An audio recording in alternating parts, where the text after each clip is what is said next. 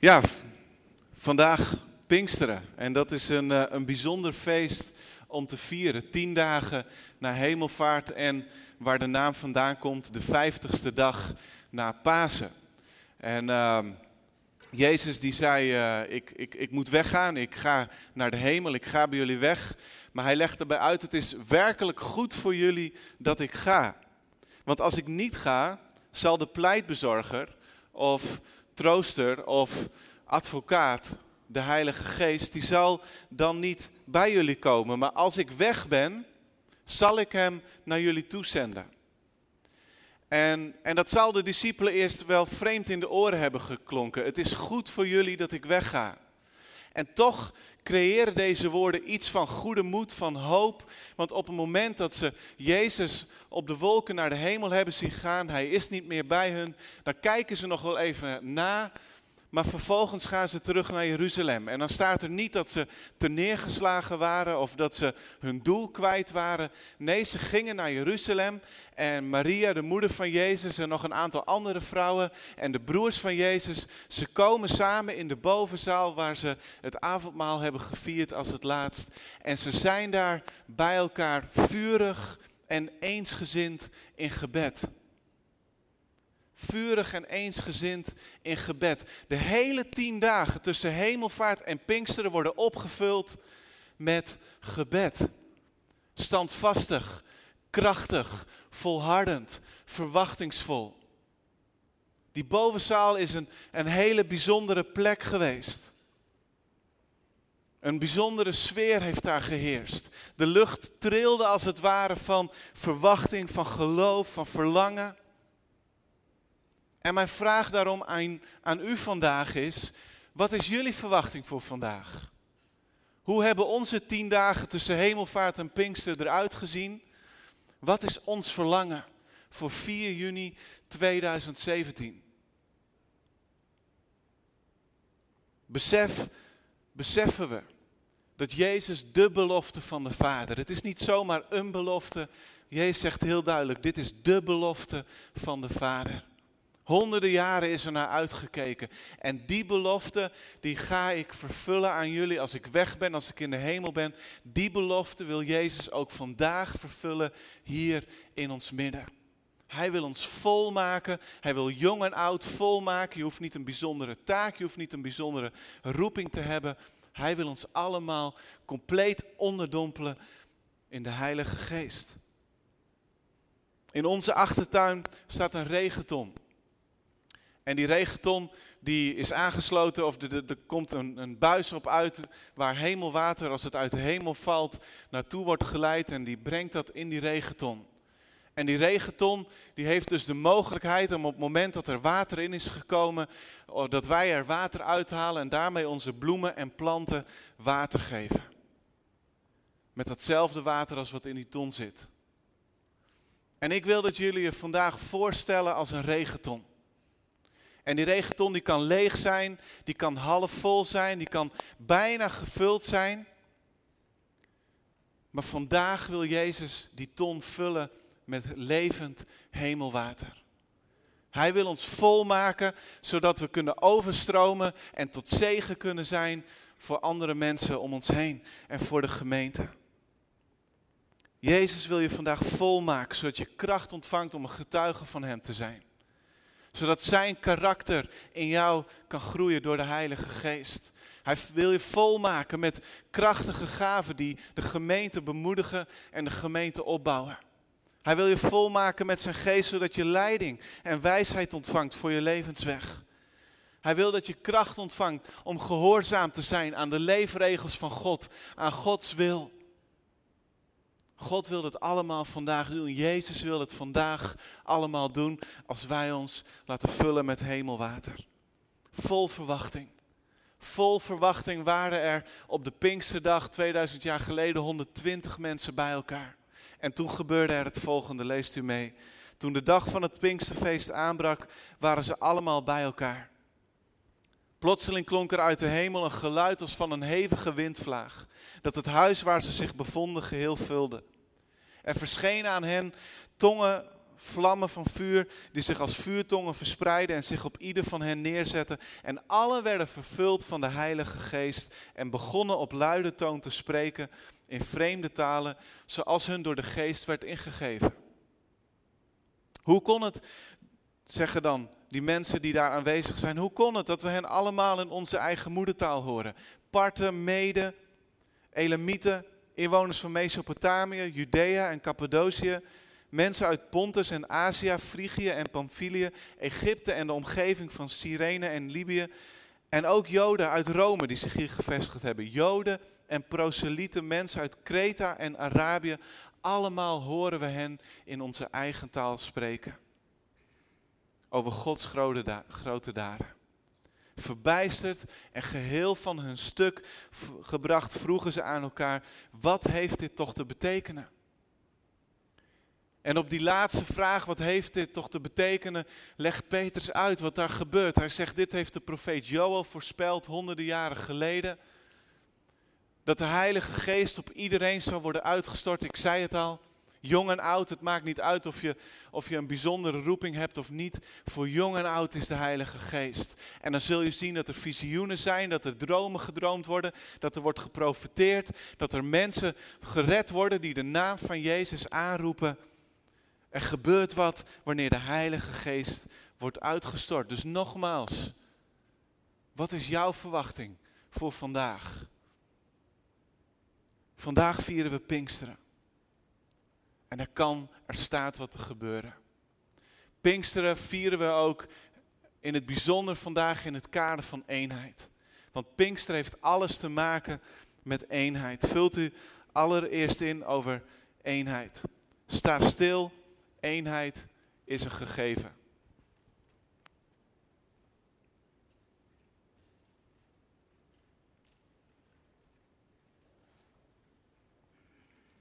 Eenheid is een gegeven.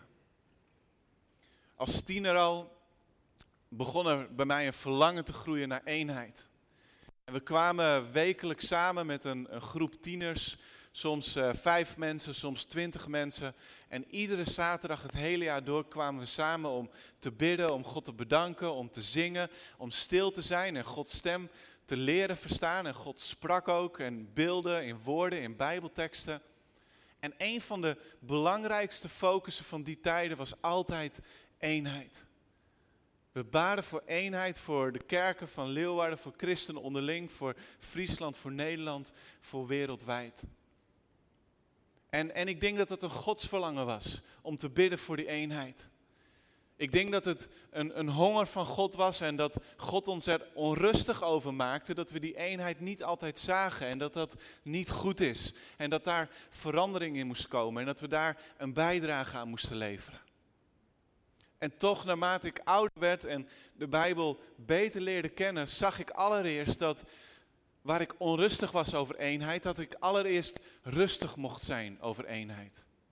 Want eenheid begint ermee dat we beseffen dat het gegeven is. Dat het een geschenk van boven is en dat het een krachtig werk, misschien wel het belangrijkste werk van de Heilige Geest is.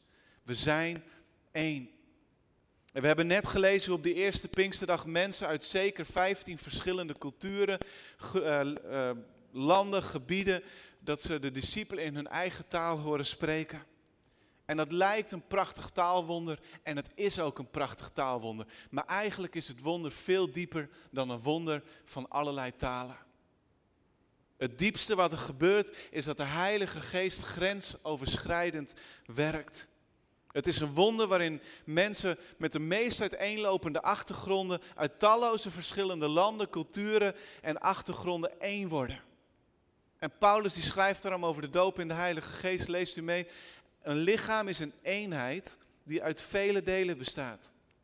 Ondanks hun veelheid vormen al die delen samen één lichaam.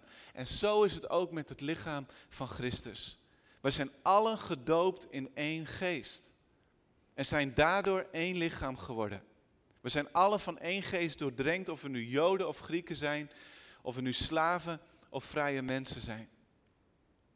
En in de christelijke dogmatiek van, van de Brink en van de Kooi, daar staat heel mooi en bondig beschreven, de geest werkt immers, werkt immers niet alleen in enkelingen, maar sticht rondom Christus ook gemeenschap. En geeft op die manier vorm aan het nieuwe verbond en dat noemen we kerk. En in zijn streven om heel de wereld deel te geven aan Christus, drijft de geest mensen over grenzen heen die ze nooit gedacht hadden te zullen overschrijden. De Heilige Geest brengt zeer verschillende mensen en groepen samen in het nieuwe volk van God. Eenheid is ons gegeven. Eenheid wordt jou gegeven op het moment dat je de naam van Jezus aanroept en je komt tot geloof. Dan word je als het ware het lichaam van Jezus, de gemeente, de kerk, ingedoopt. Je gaat er deel van uitmaken. Eenheid is zo belangrijk.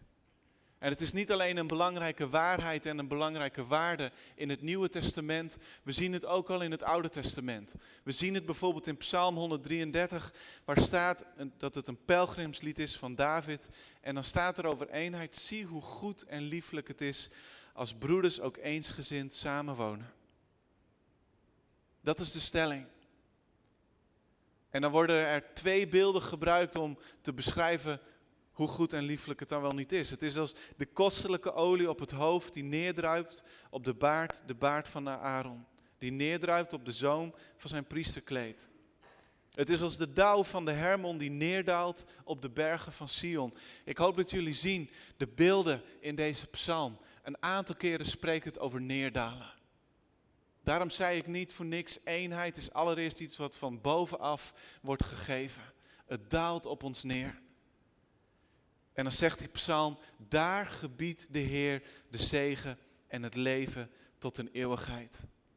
En bij broeders moeten we niet alleen maar denken aan biologische broers, maar moeten we denken aan het volk Israël, wat tenminste drie keer per jaar in zijn geheel samenkwam in Jeruzalem om daar de feesten te vieren. Over die broederschap gaat het, over dat volk gaat het. En eenheid is allereerst goed in die betekenis dat daarmee broederschap voldoet aan het doel waarvoor het is bestemd. We komen tot ons doel als we één zijn. Het is lieflijk. Lieflijk is zo'n mooi woord. Het is een woord dat wordt gebruikt om, om te, te spreken over lofzang, over aanbidding. Maar zelfs God in zijn eigen persoon wordt ermee beschreven. Dat hij lieflijk is. Eenheid is een hoog verheven doel dat iets laat zien van de heerlijkheid van God zelf. Het is als olie. Olie die overvloedig aanwezig was bij de inzegening van Aaron en daarna bij de inzegening van alle priesters. En daarmee werd aangegeven, God is aanwezig. Die olie is er als er eenheid is. Het is als de dauw van de Hermon. En weet je, in de zomer als het in Israël heet is en er valt bijna geen regen, dan is heel Israël uh, afhankelijk, de groei van gewassen, het, het blijven groeien van bomen en planten is afhankelijk van dauw. Dat is de enige manier waarop er leven blijft. En zo is eenheid. Het geeft leven. Het daalt neer om leven te geven. En daar waar dit aanwezig is, daar is de zegen van God. Harmonie is de basis voor zegen. Eensgezindheid is nodig om de zegen van God te mogen zien en aanschouwen in ons midden. En aan de ene kant zegt deze psalm, sta stil. Besef dat eenheid een gegeven is. Rust in het feit dat er eenheid is. En aan de andere kant brengt deze psalm ons bij het volgende punt. Vult u in. Sta op. Sta op. Eenheid is een inspanning.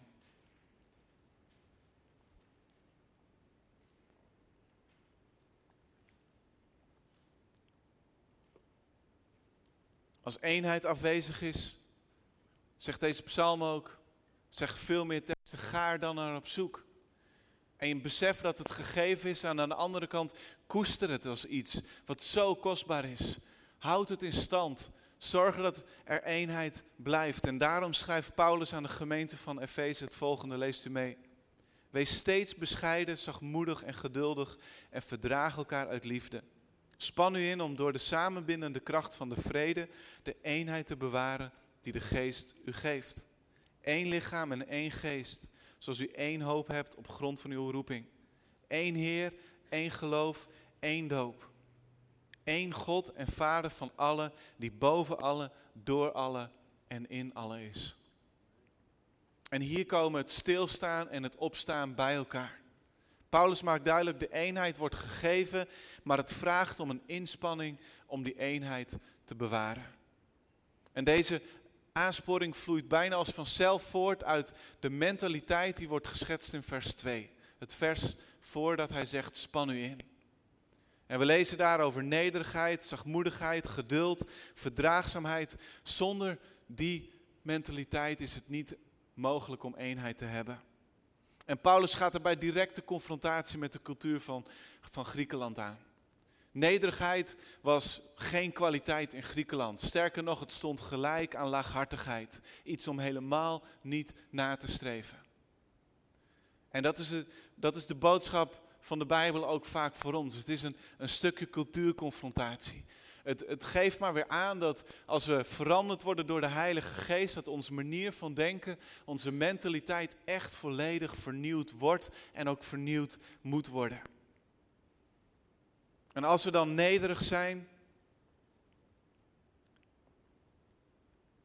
als we nederig zijn, zijn we ook zachtmoedig. Zijn we mild, zijn we vriendelijk naar elkaar. Zachtmoedigheid is het tegenovergestelde van snel boos worden van driftig zijn. Het komt in het bijzonder van pas bij conflicten. En hé, hey, wij zijn mensen.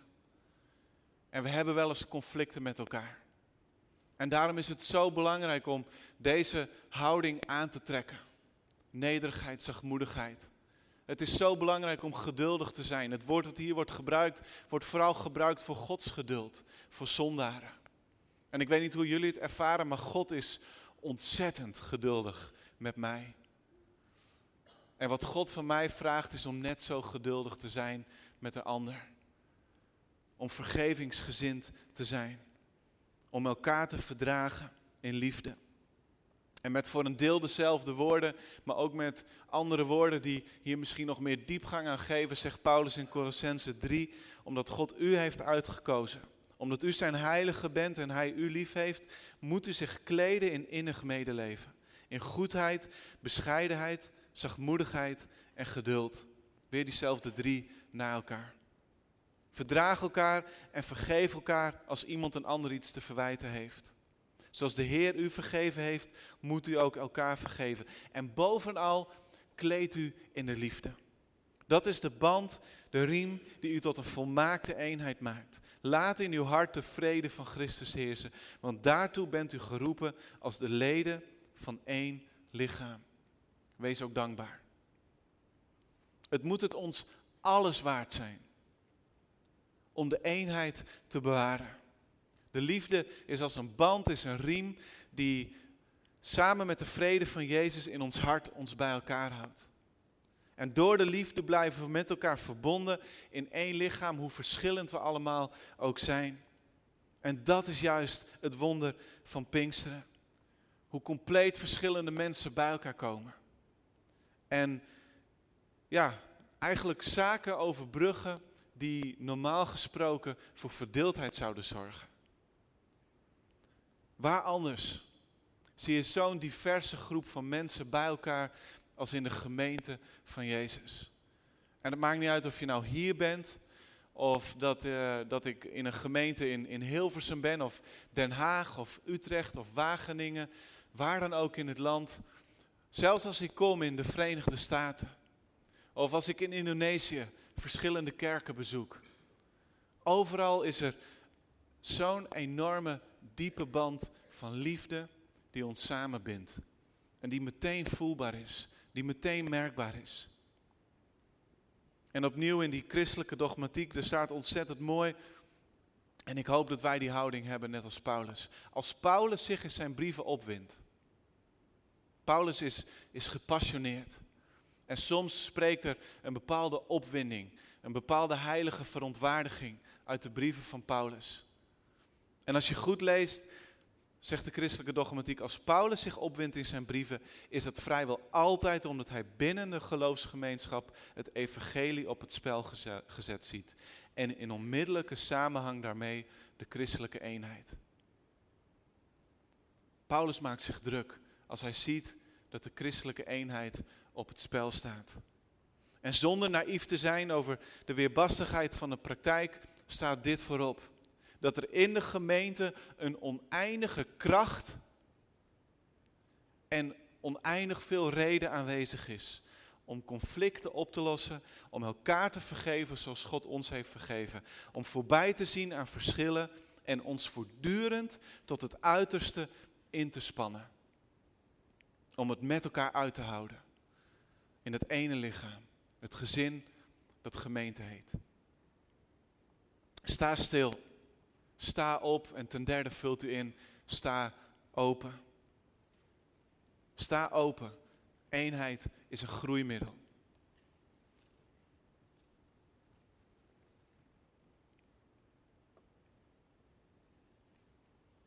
En voordat ik verder ga, wil ik eerst even met u kijken naar een kort filmpje.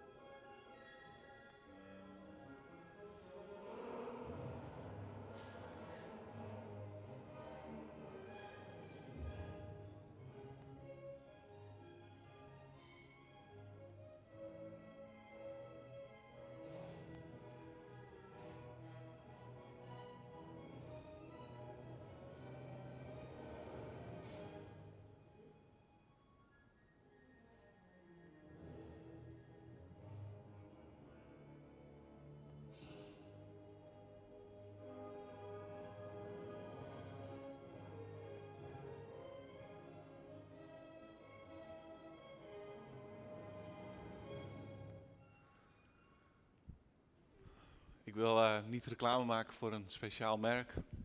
Cola is ook, schijnt helemaal niet zo gezond voor je, tenzij, tenzij je allerlei last hebt van bacteriën en zo. Dan is het uh, zeer behulpzaam.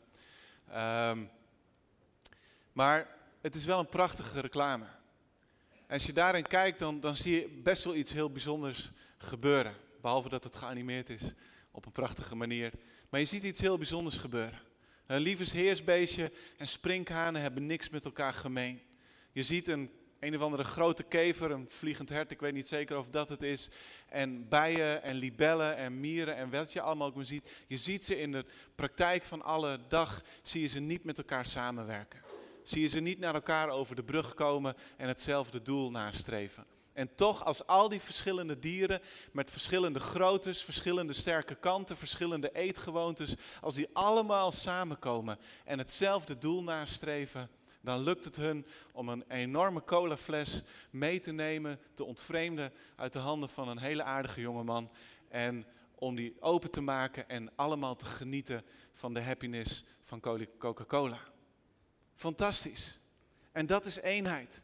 Het resultaat dat je behaalt is veel groter dan je ooit op jezelf zou kunnen behalen. Dit filmpje illustreert op een prachtige manier de kracht van eenheid. En dat is dat het tot zegen leidt. Zegen ook in de vorm van groei. Eenheid is een groeimiddel op twee manieren. Allereerst een groei naar binnen. Er staat in Filippenzen 1 vers 27, leef in overeenstemming met het evangelie van Christus. Zodat ik kan horen of straks zelf kan zien dat u één van geest bent en samen voor het geloof in het evangelie strijdt. En Paulus gebruikt hiervoor het woord leef um, in het Grieks politeo. En daar zien we iets van politiek in, maar wat het betekent is, is dat je leeft als een burger van, um, um, of nee, dat je gedraagt, sorry, dat je gedraagt als een burger. En wij zijn allemaal burgers van Nederland, maar Paulus maakt duidelijk, meer nog dan dat je burger bent van, in hun geval, het Romeinse Rijk. En de stad Filippi was super trots dat een, iemand die in Filippi woonde, die was burger van Rome, was een bijzonder voorrecht. Maar Paulus zegt meer nog dan dat je burger daarvan bent. Meer nog dan wij burger van Nederland zijn, zijn wij burgers van de hemel. En hebben we ons te gedragen waardig naar het evangelie. En daarom moeten we leven als hemelburgers. Eenheid hoort bij het burgerschap van de hemel. En er is een aansporing om vast te staan in één geest. En samen, letterlijk met één ziel, te strijden voor het geloof. We blijven één, zegt Paulus hier, door vast te houden aan de juiste leer. Door het geloof vast te houden onder verdrukking en lijden. En samen strijden roept het beeld op van een team. In die tijd van worstelaars of van atleten die gezamenlijk de competitie winnen, de overwinning behalen. Wij zijn een team. U en ik, wij allemaal, we zijn een team. En in de termen van voetbal, we moeten heel erg helder hebben wat ons doel is. Moeten we die kant op voetballen of moeten we die kant op voetballen? Wie is de keeper? Die moet keeper. Wie is de verdediger? Die moet verdedigen. Wie is de aanvaller? Die moet aanvallen. Hebben we een strijdplan? En werken we daar allemaal aan mee om de overwinning te behalen? En jullie zijn het team waar ik met heel veel plezier deel van uitmaak, maar waarmee ik ook samen wil gaan voor groei. Dat we sterker worden in ons geloof, dat we staande blijven, ondanks alle vragen, ondanks alle aanvallen die op ons pad kunnen komen. Samen één van geest, één van ziel zijn. En groei naar binnen wordt ook zichtbaar op de volgende manier. In de woorden van Paulus in 1 Corinthians 12, waar het gaat over die eenheid van het lichaam. Daar staat in vers 25 en 26, opdat er geen verdeeldheid in het lichaam zou zijn, maar de leden voor elkaar gelijke zorg zouden dragen. En als één lid lijdt, lijden alle leden mee.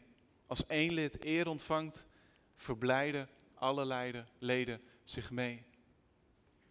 Eenheid, zodat er zorg is, zodat er naar elkaar wordt omgekeken.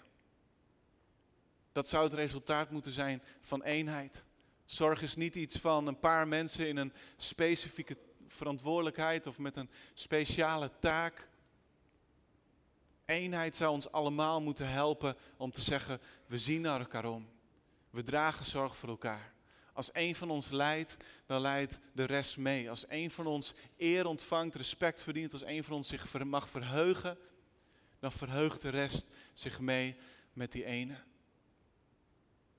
Ik, ik zie dat zo ontzettend mooi bijvoorbeeld in kleine groepen, in kringen, in connectgroepen, hoe je ze ook maar noemt. Maar kringen zijn zoiets moois, zijn zoiets krachtigs. Het is een plek waar groei kan plaatsvinden naar binnen, waar, um, waar zorg is, waar we elkaar tot steun zijn. En, uh, en, en om heel eerlijk te zijn, en ik, ik heb het vaker genoemd, en, en we zijn niet perfect als kring, maar ik ben zo blij met de kring waar ik deel van uitmaak zo blij. Ik heb echt het idee dat uh, ik, ik, ervaar er steun uit. Ik weet dat er voor, voor mij, voor ons gezin wordt gebeden wanneer het nodig is. We bidden voor elkaar. We hebben lol samen. We eten samen. We, we helpen elkaar. Uh, we, we, toen wij moesten verhuizen werden er twee kringavonden bij ons thuis gehouden. Gewoon om de hele avond simpelweg te gaan klussen en de handen uit de mouwen te steken. Um, toen, toen, we, toen we ergens een nood zagen, werd er geld bijeengebracht om daar te helpen. Weet je, er zijn zoveel dingen in de loop der jaren tot op de dag van vandaag dat ik denk, wauw, die kring, fantastisch. Ik zou er niet zonder kunnen, ik zou er niet zonder willen. Eenheid is zoiets moois. We groeien naar binnen. We groeien naar elkaar. We worden sterker in ons geloof. Ster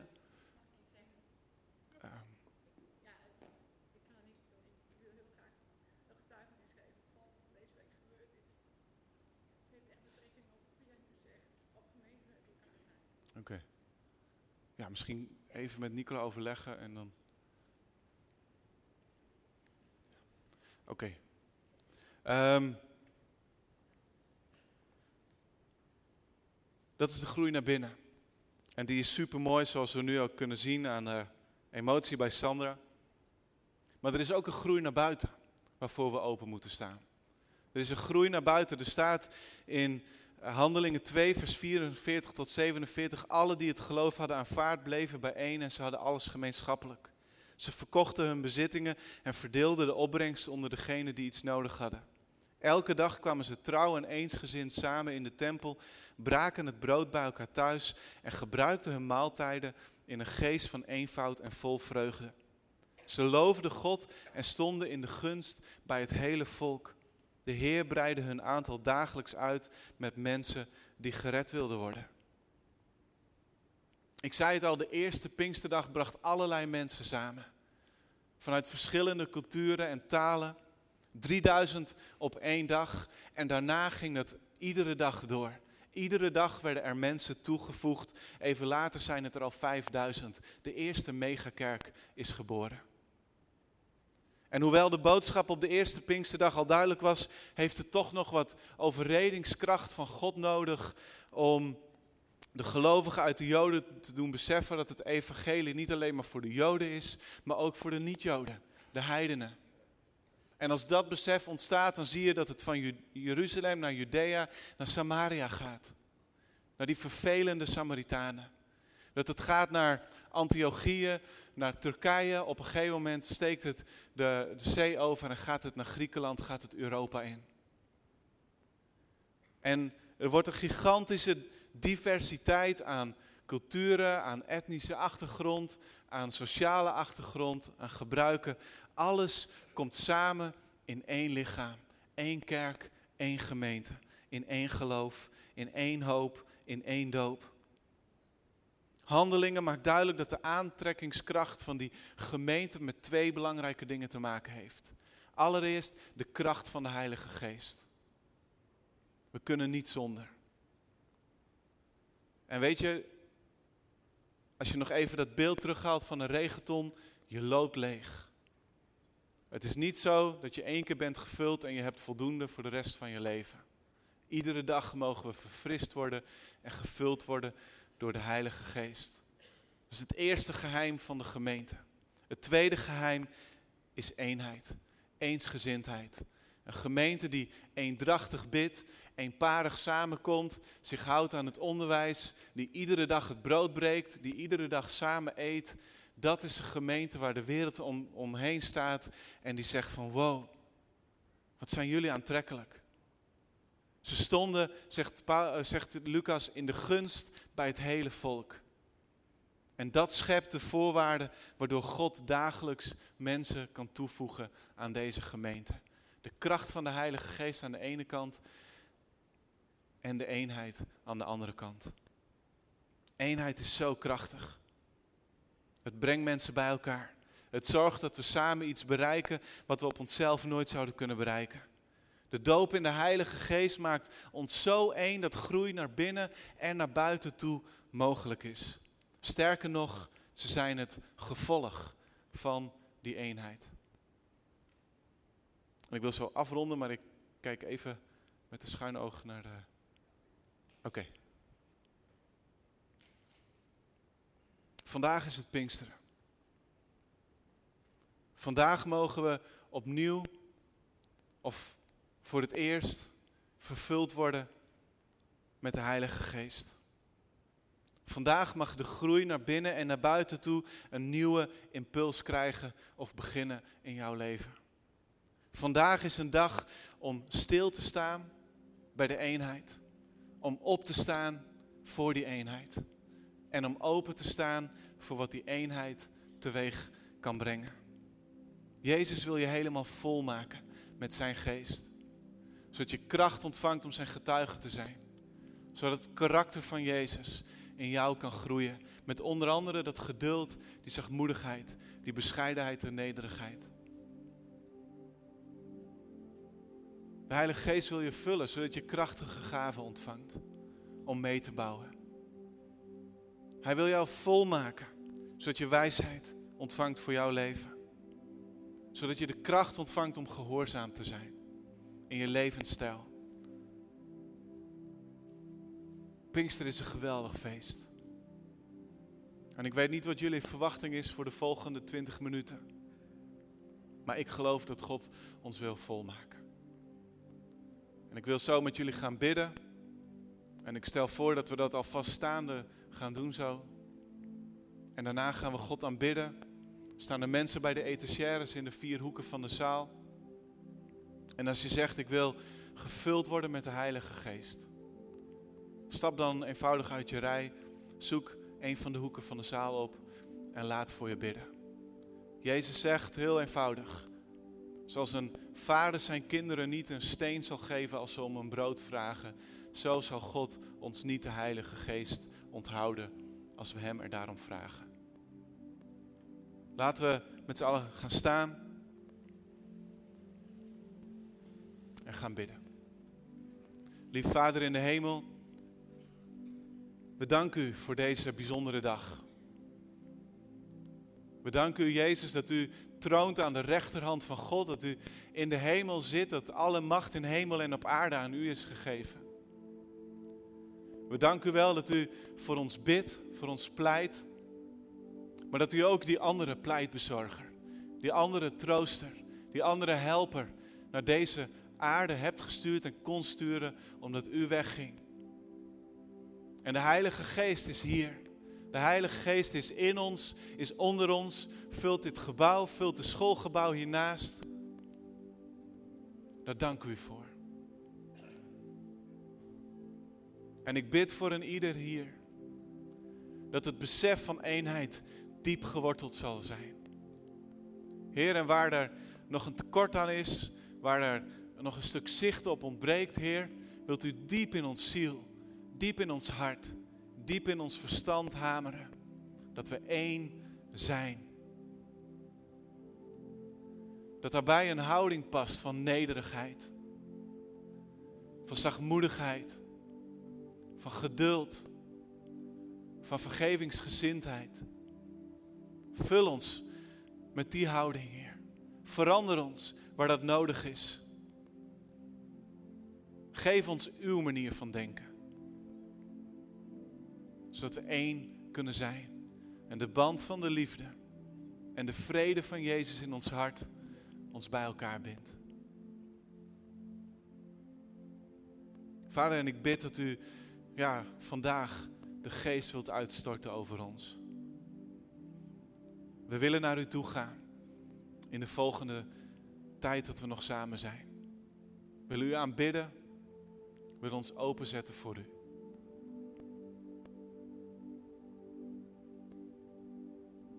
En dezelfde wonderen, dezelfde redding, dezelfde kracht om dromen te dromen, om visioenen te zien. Dezelfde kracht om in nieuwe talen te spreken, om te profiteren. Dezelfde kracht wil Jezus vandaag over ons uitstorten, over jou uitstorten. Laten we vol verwachting naar Hem toe gaan. In Jezus' naam. Laten we dit eenparig verlangen. Amen. We gaan zingen, gaan aanbidden.